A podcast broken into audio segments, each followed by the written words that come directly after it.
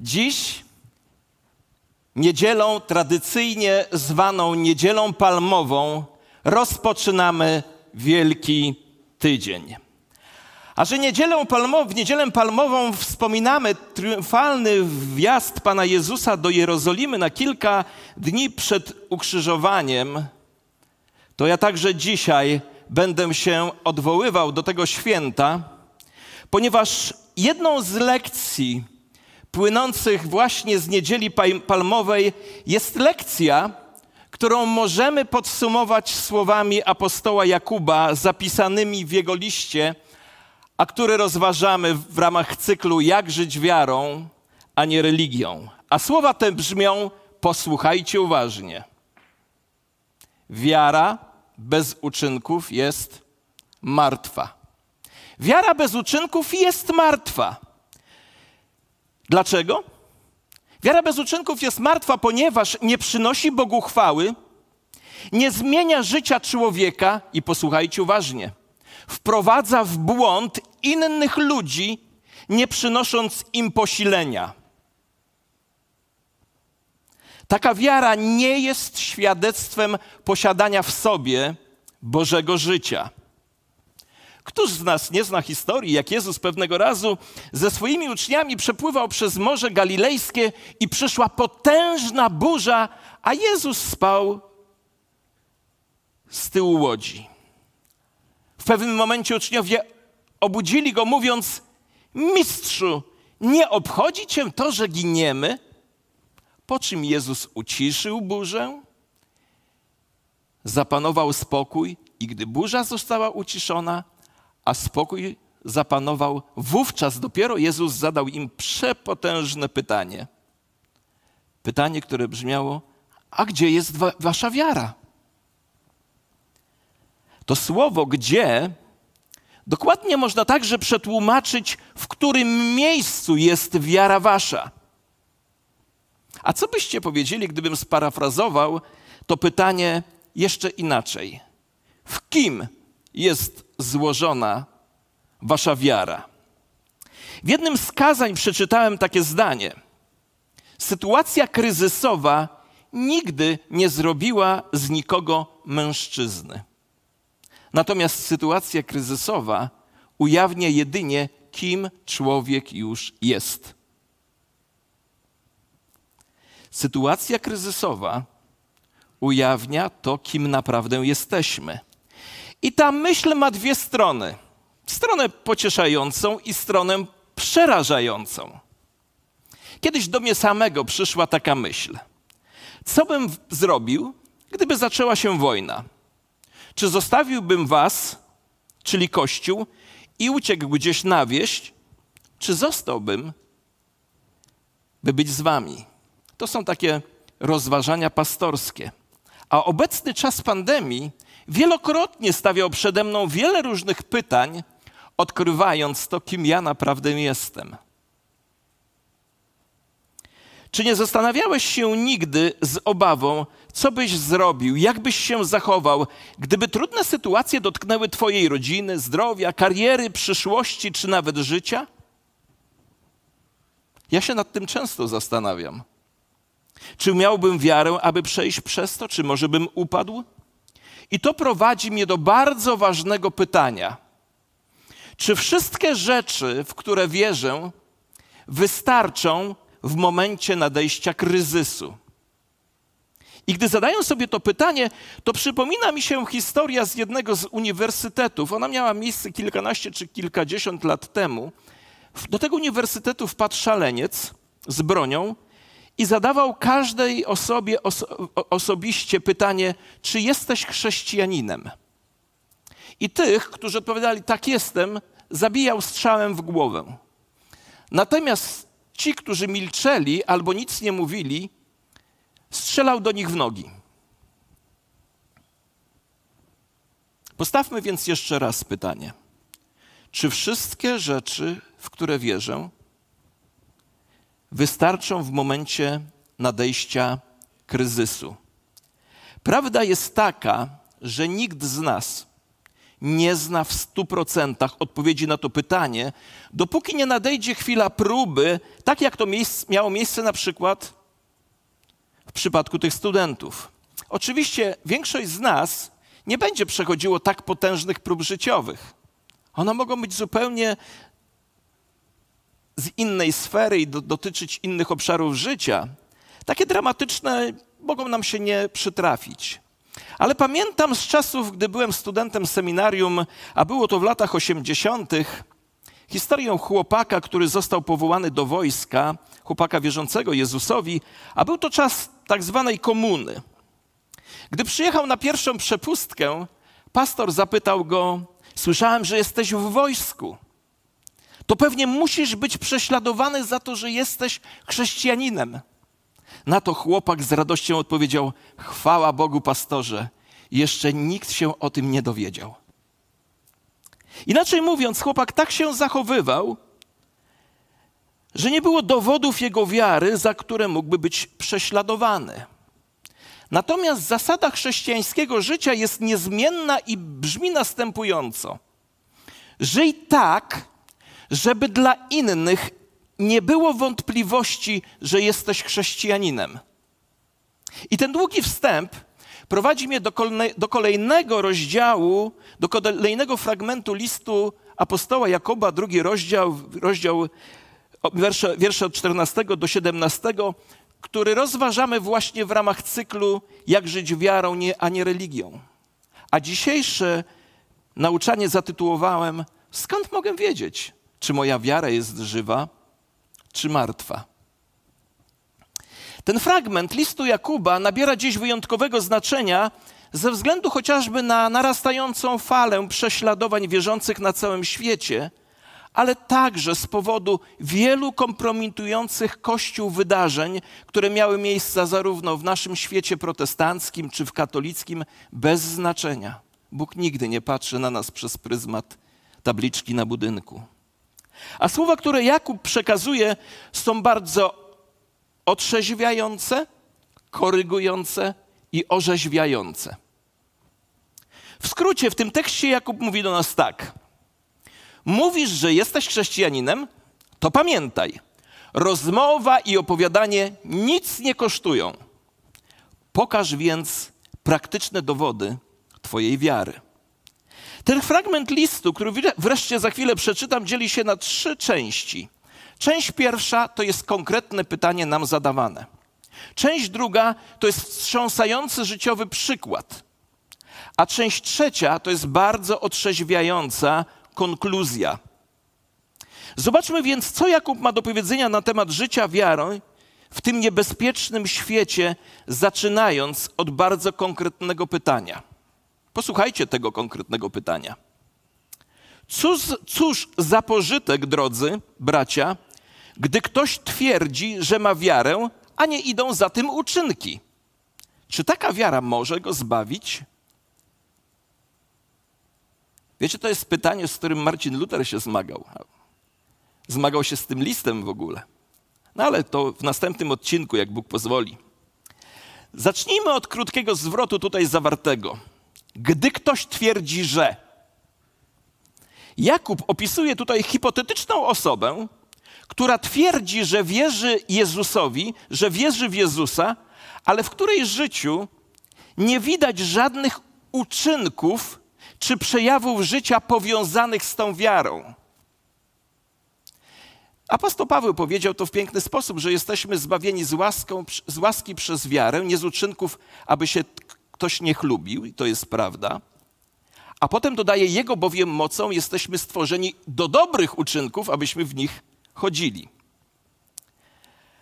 Osoba, o której tutaj w liście Jakuba jest mowa, chwali się czymś, czego zupełnie nie posiada.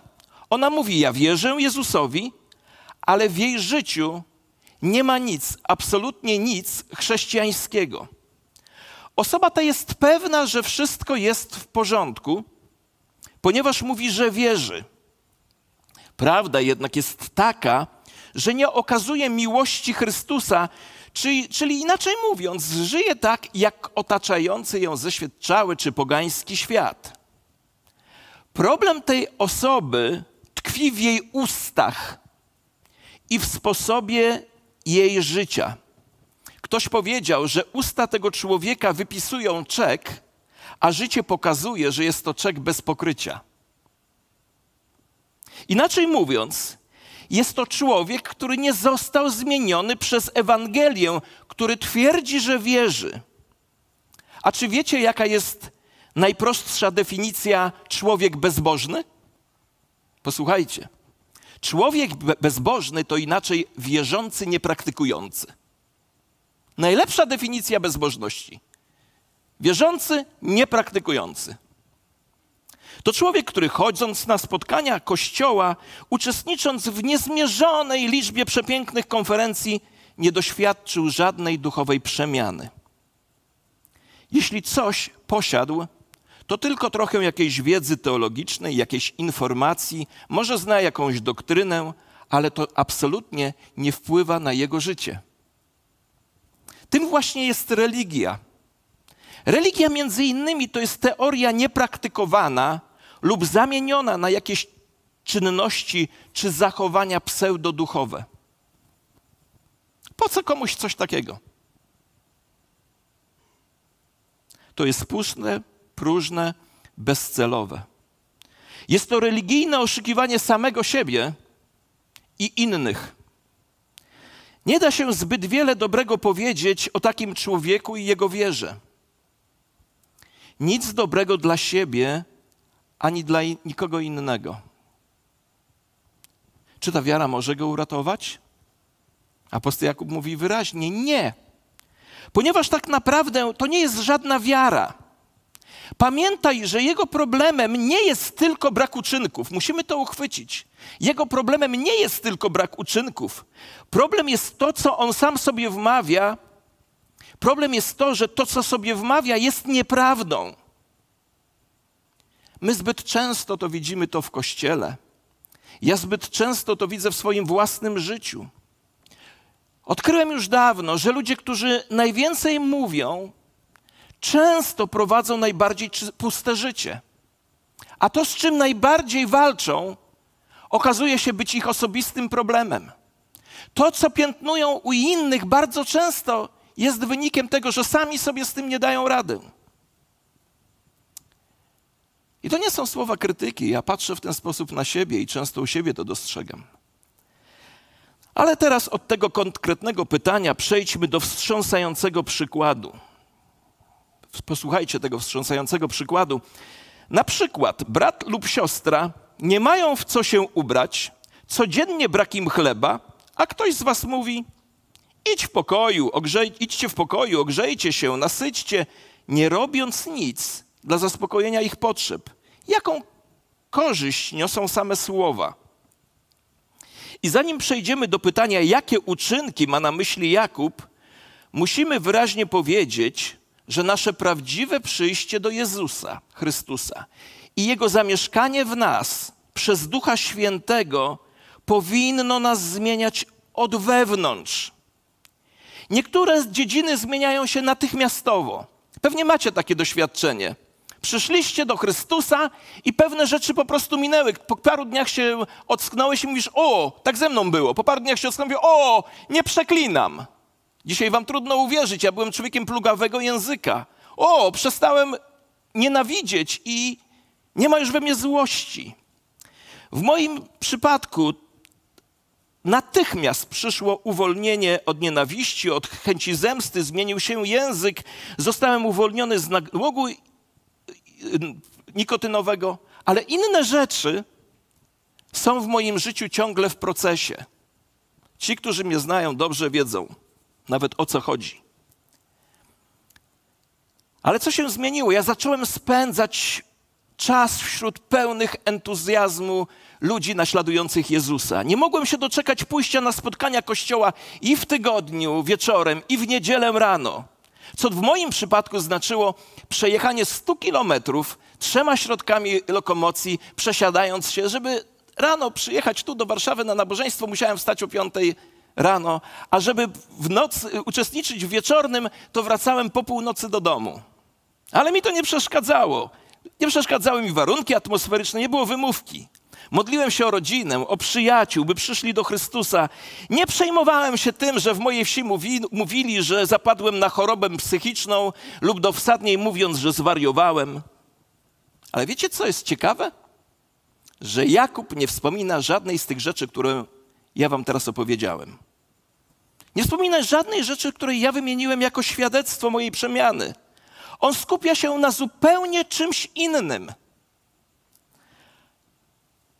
On pokazuje, że dowodem naszej przemiany jest to, jak reagujemy w obliczu praktycznych potrzeb współwyznawców, a także innych ludzi. Słyszycie? To jest bardzo mocne stwierdzenie. On skupia się na tym, że dowodem naszej przemiany jest to, jak reagujemy w obliczu praktycznych potrzeb współwyznawców i ludzi w ogóle. Oto przychodzi do nas cierpiący, głodujący, obdarty człowiek. Stoi tuż przed naszymi oczyma, widzimy go. Oczywiście możemy znaleźć wymówkę. Jestem zmęczony, spieszę się, możesz przejść na drugą stronę. Możesz mieć takie same wymówki jak kapłan czy lewita z przypowieści o miłosiernym Samarytaninie, a ludzie? A ludzie liczą na nas. A my nie liczymy, nie liczmy na to, że za każdym razem znajdzie się przysłowiowy Samarytanin, który nas zastąpi i wyjdzie naprzeciwko potrzebie człowieka, który ty, którą ty lub ja mogliśmy w pierwszej kolejności zaspokoić. Ale wiecie, Jakub mnie wstrząsa ten list. Powiem wam, ja wczoraj bardzo mocno przeżywałem to, co dzisiaj będę mówił, bo Jakub posuwa się jeszcze dalej, prosząc nas, abyśmy wyobrazili sobie odpowiedź jeszcze gorszą niż ominięcie potrzebującego i przejście na drugą stronę ulicy. Bo jedna rzecz to dostrzec potrzebę i po prostu odejść, bo czujesz, że teraz nie możesz się zaangażować, bo nie powinieneś się teraz zaangażować, ale w tym przypadku opisanym przez Jakuba chrześcijanin przechwalający się swoją wiarą nie odchodzi tak po prostu. On, kiedy widzi cierpiącego człowieka, nie milczy. Wygłasza słowa, które w zależności od tłumaczenia brzmią następująco: Idź w pokoju i nasyć się. Idź w pokoju, ogrzewaj się i nakarm. Powodzenia! Mam nadzieję, że się rozgrzejesz i znajdziesz wystarczająco dużo jedzenia. I ostatnie, posłuchajcie, dla mnie najbardziej wymowne tłumaczenie. Cóż, do widzenia i niech Cię Bóg błogosławi. Trzymaj się ciepło i zdrowo. To jest właśnie gorsze od tego, co uczynili kapłan i lewita. Oni przeszli na drugą stronę drogi, ale nie kpili z niego swoimi słowami. Okropną rzeczą jest wypowiadać pobożne frazesy, nie przejmując się ani trochę tym, że krzywdzimy ludzi. Cóż dobrego w tym znajdziemy? Nic a nic. Jakież korzyści z tego wyciągniemy? Żadnych, nic. Ten człowiek wciąż umiera z głodu. Ten człowiek wciąż marznie. Twoje i moje najbardziej serdeczne, niech Cię Bóg błogosławi, jest jak sztylet wbijany w serce człowieka, który jest w potrzebie. I to jeszcze z uśmiechem. Dlatego ja powiem Wam, wybaczcie, ale ja na przykład na, nie lubię nawet, jak ktoś się witając ze mną mówi chwała Panu.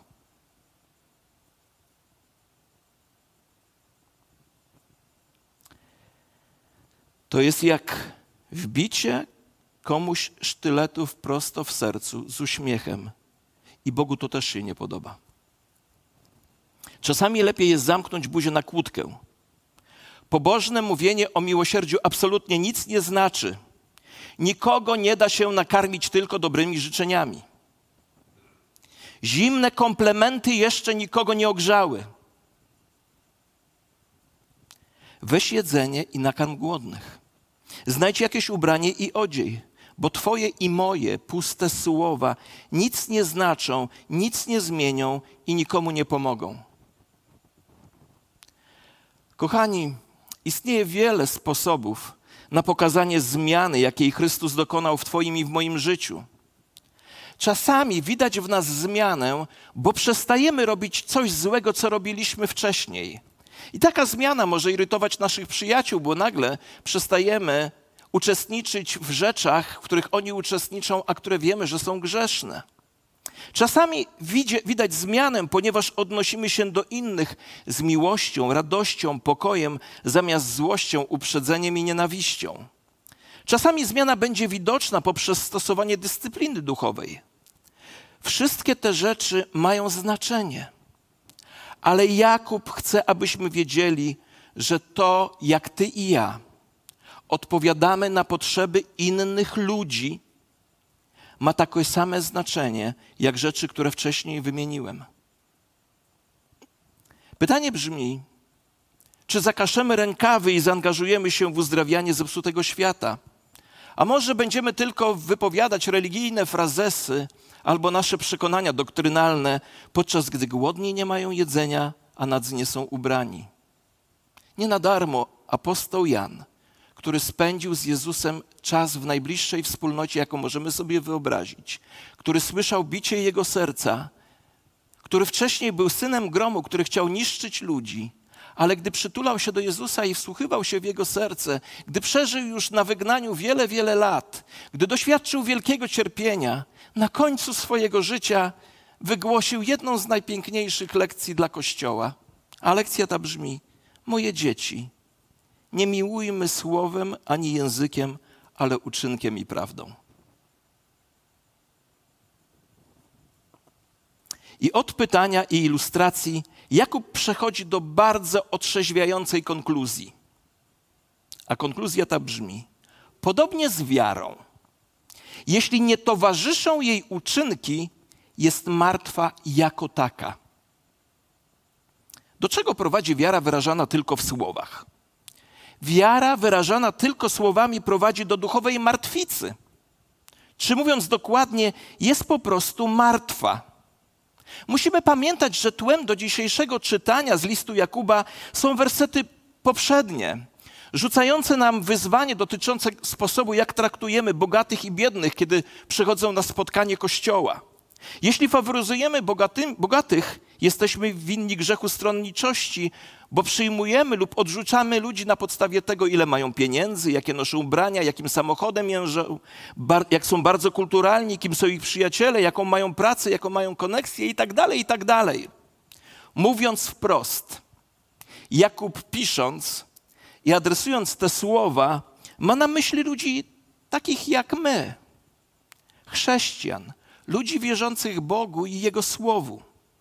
Jakub ma na myśli pastorów, starszych, diakonów, liderów uwielbienia, serwis sprzątający, liderów kościoła dziecięcego, małych grup młodzieżowych i wszystkich nas, którzy jesteśmy częścią kościoła przez wiarę w Jezusa. To jest kontekst tych wierszy. I wiecie, ja mam taki szokujący wniosek dla siebie z tego tekstu. Posłuchajcie, jaki jest wniosek dla mojego życia. Krzyś, możesz być pastorem wierzącym w Biblię, z dyplomem seminarium. Możesz głosić teologię ortodoksyjną, a mimo to Twoja wiara może być martwa. I to zdanie dotyczy i innych przywódców Kościoła, i każdego chrześcijanina. Wiesz, ja będąc pastorem mogę robić wiele właściwych rzeczy w służbie. Ja wygłosiłem już ponad tysiąc kazań, co najmniej ale nadal może mnie cechować wiara, która jest martwa. Pamiętacie? Kiedyś Jezus powiedział proroctwo. I posłuchajcie mocno, bo to jest proroctwo, czyli coś, co w stu procentach się stanie, bo to Jezus powiedział. Przyszli ludzie i chcieli być przyjęci po, po, przyjściu Jezusa na ziemię, chcieli być koniecznie przyjęci do wieczności, więc się zaczęli powoływać na co? Panie, prorokowaliśmy w Twoim imieniu. Panie, wypędzaliśmy demony w Twoim imieniu. I Jezus nie powiedział, że tego nie robili, tylko powiedział: Ja Was nie znam. A kilka rozdziałów dalej, w tej samej Ewangelii, Jezus dalej kontynuuje opowiadanie o swoim przyjściu i mówi tak: idźcie ci na, do, na potępienie wieczne czy do, do życia wiecznego. Ci zdziwieni, dlaczego przecież? No przecież wcześniej prorokowali, wcześniej coś robili na ulicach duchowych rzeczy. Ja mógłbym powiedzieć, panie, wygłosiłem ponad tysiąc kazań.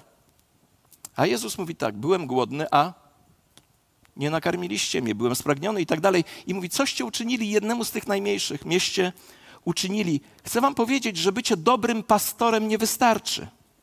Dobre głoszenie i bycie dobrym liderem jest szlachetną rzeczą, ale nawet jeśli się to mi uda, nie mogę zrzucić obowiązku dbania o zranionych ludzi, których Bóg sprowadza na, moje, na moją ścieżkę, i ty też nie możesz zrzucić na kogoś innego.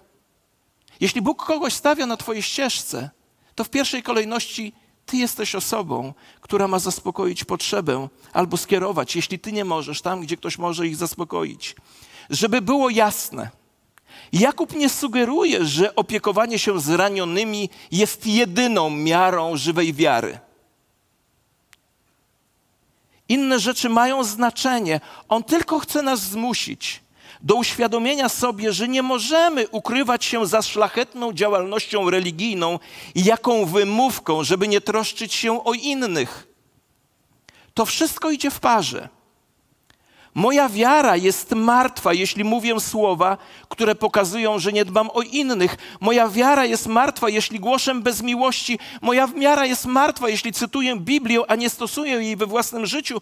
Moja wiara jest martwa, jeśli modlę się w niedzielę i nie okazuję współczucia w poniedziałek. Moja wiara jest martwa, jeśli daję dziesięcinę, a resztę przeznaczam dla siebie bez zastanowienia.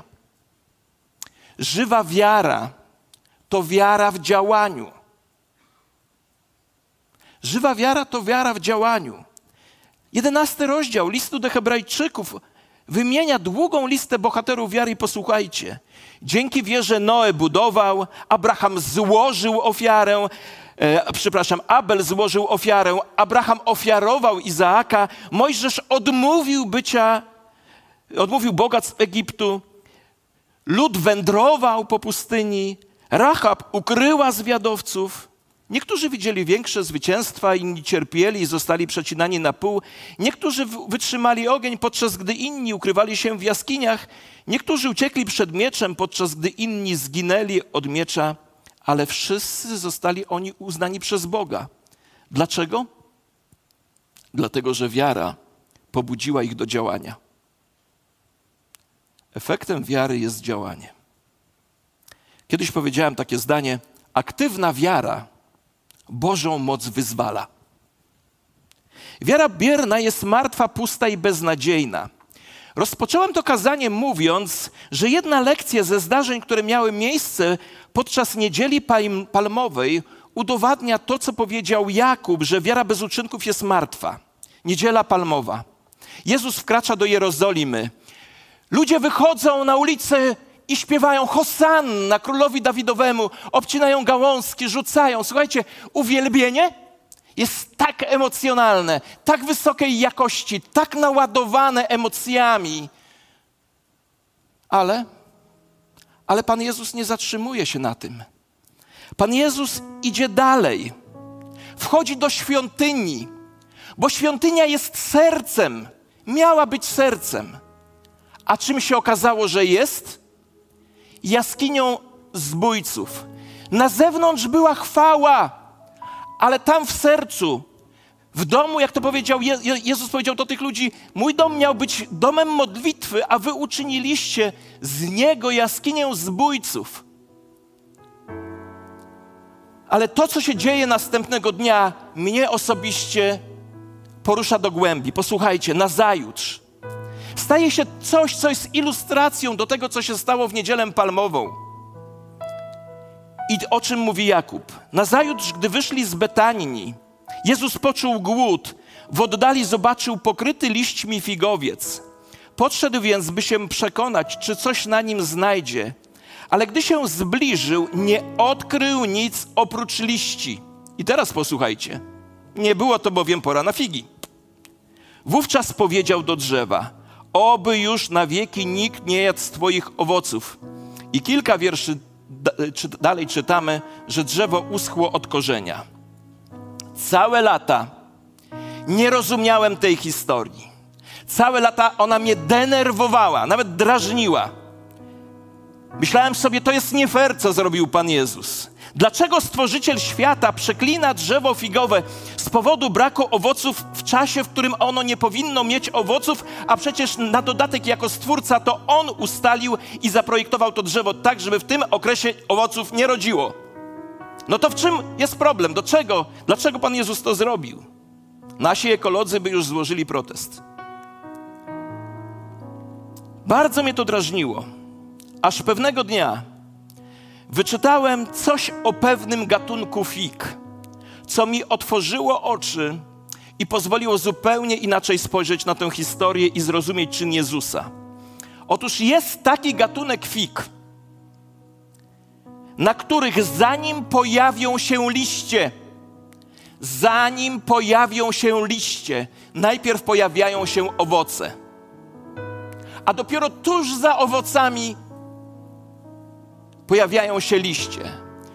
Kiedy więc widzisz drzewo figowe tego rodzaju pokryte liśćmi, to z daleka ono ciebie informuje: są na mnie owoce. Są na mnie owoce. Jest, nam, jest we mnie życie, które może nakarmić tych, którzy mnie widzą, którzy widzą te moje piękne liście. Ale prawda była inna. To drzewo kłamało w najistotniejszych kwestiach, wyznawało ustami, a wszystkich in, a tak naprawdę wprowadzało w błąd, bo w niej życia nie było. Została umartwiona, choć prawda była taka, że ona już wcześniej była martwa. Jezus przeklął to drzewo dlatego, żeby nie wprowadzało ludzi w błąd. Bo wyobraźcie sobie człowieka, który jest wyczerpany, jest na krańcu już swojego życia. Idzie i nagle widzi drzewo pokryte figowe liśćmi. Na pewno się nakarmię, bo to jest sygnał. Dochodzi pustka. I tak było z Izraelitami. I tak jest często w, z nami. W niedzielę palmową liście chwały w świątyni, czyli w sercu jaskinia zbójców, w niedzielę chwalili Boga, a kilka dni później co z nim zrobili? Ci sami ludzie? Proszę? Krzyczyli: Ukrzyżuj go! I zakończenie. Jaka jest lekcja z dzisiejszego fragmentu listu Jakuba i z innych czytanych dzisiaj przeze mnie historii? Ja mam czte, trzy lekcje dla siebie. Po pierwsze, nie przechwalaj się swoją wiarą, ale nią żyj. Pamiętaj, że bez względu na to, co robisz dla Boga, nie musisz się tym chwalić. Ludzie i tak się o tym dowiedzą, po prostu na ciebie patrząc, jak nam, jak dowiedzieli się od mojego kolegi. Trzy dni pracował jako salowy w szpitalu. Nic nie mówił, pracował, a trzeciego dnia pacjent go szarpał za rękę i powiedział: Jaka jest Twoja tajemnica? Powiedz, bo Ty jesteś inny od pozostałych pracowników. Uśmiechnięty, wdzięczny, pomagasz nam. I wtedy powiedział im, że tajemnicą jest Chrystus w nim. A jeśli Twoja wiara jest martwa, czy moja jest martwa, to bez względu na to, co będziemy robili, co powiemy, w zasadzie co powiemy, to wypowiedziane słowa i tak nie mają żadnego znaczenia. Po drugie, poproś Boga, żeby Cię użył w tym tygodniu, w tym wielkim tygodniu, tam gdzie jesteś, bo obok nas jest wielu zranionych ludzi. I po trzecie, nie czekaj, żeby tylko dokonać wielkich czynów i spektakularnych. Zacznij tam, gdzie jesteś, świecąc światłem Chrystusa, który jest w Tobie. Nie odkładaj działań na jakiś szczególny moment. Jeśli chcemy żyć wiarą, która jest żywa, a nie martwa, możemy ją mieć. Musimy poprosić Boga o pomoc, zawsze polegając na Jezusie i na mocy Ducha Świętego, który jest w nas, a następnie zacząć działać w imieniu Jezusa, poczynając od miejsca, w którym się znajdujemy. Bo nigdy z, nich, z nas nikt nie wie, jaki ciężar możemy zdjąć z barków innych ludzi, jaką łzę możemy zdjąć z ich oka i kogo możemy bezpiecznie przyprowadzić do domu Ojca w niebie. Kochani, wszyscy będziemy stawać przed życiowymi próbami dotyczącymi naszego zaufania Chrystusowi i naszej wiary. Niech więc nasza wiara działa bez zarzutów, a wtedy bez względu na to, co się wydarzy dzisiaj lub jutro, będziemy zawsze w stanie stanąć, by być słowami i czynami gotowymi do wyznawania, że Jezus Chrystus jest Panem. Bo żywa wiara przynosi Bogu chwałę. Tobie owocne życie, a innych prowadzi do prawdy i posilenia. I tego sobie i Wam życzę, żeby nasza żywa, żywa wiara przynosiła Bogu chwałę, nam, wierzącym ludziom, przemianę, a światu prawdę i pożywienie. Panie, dzisiaj, kiedy jesteśmy tutaj przed Tobą, kiedy uczymy się z Twojego słowa, dziękujemy Ci za tę lekcję z niedzieli palmowej.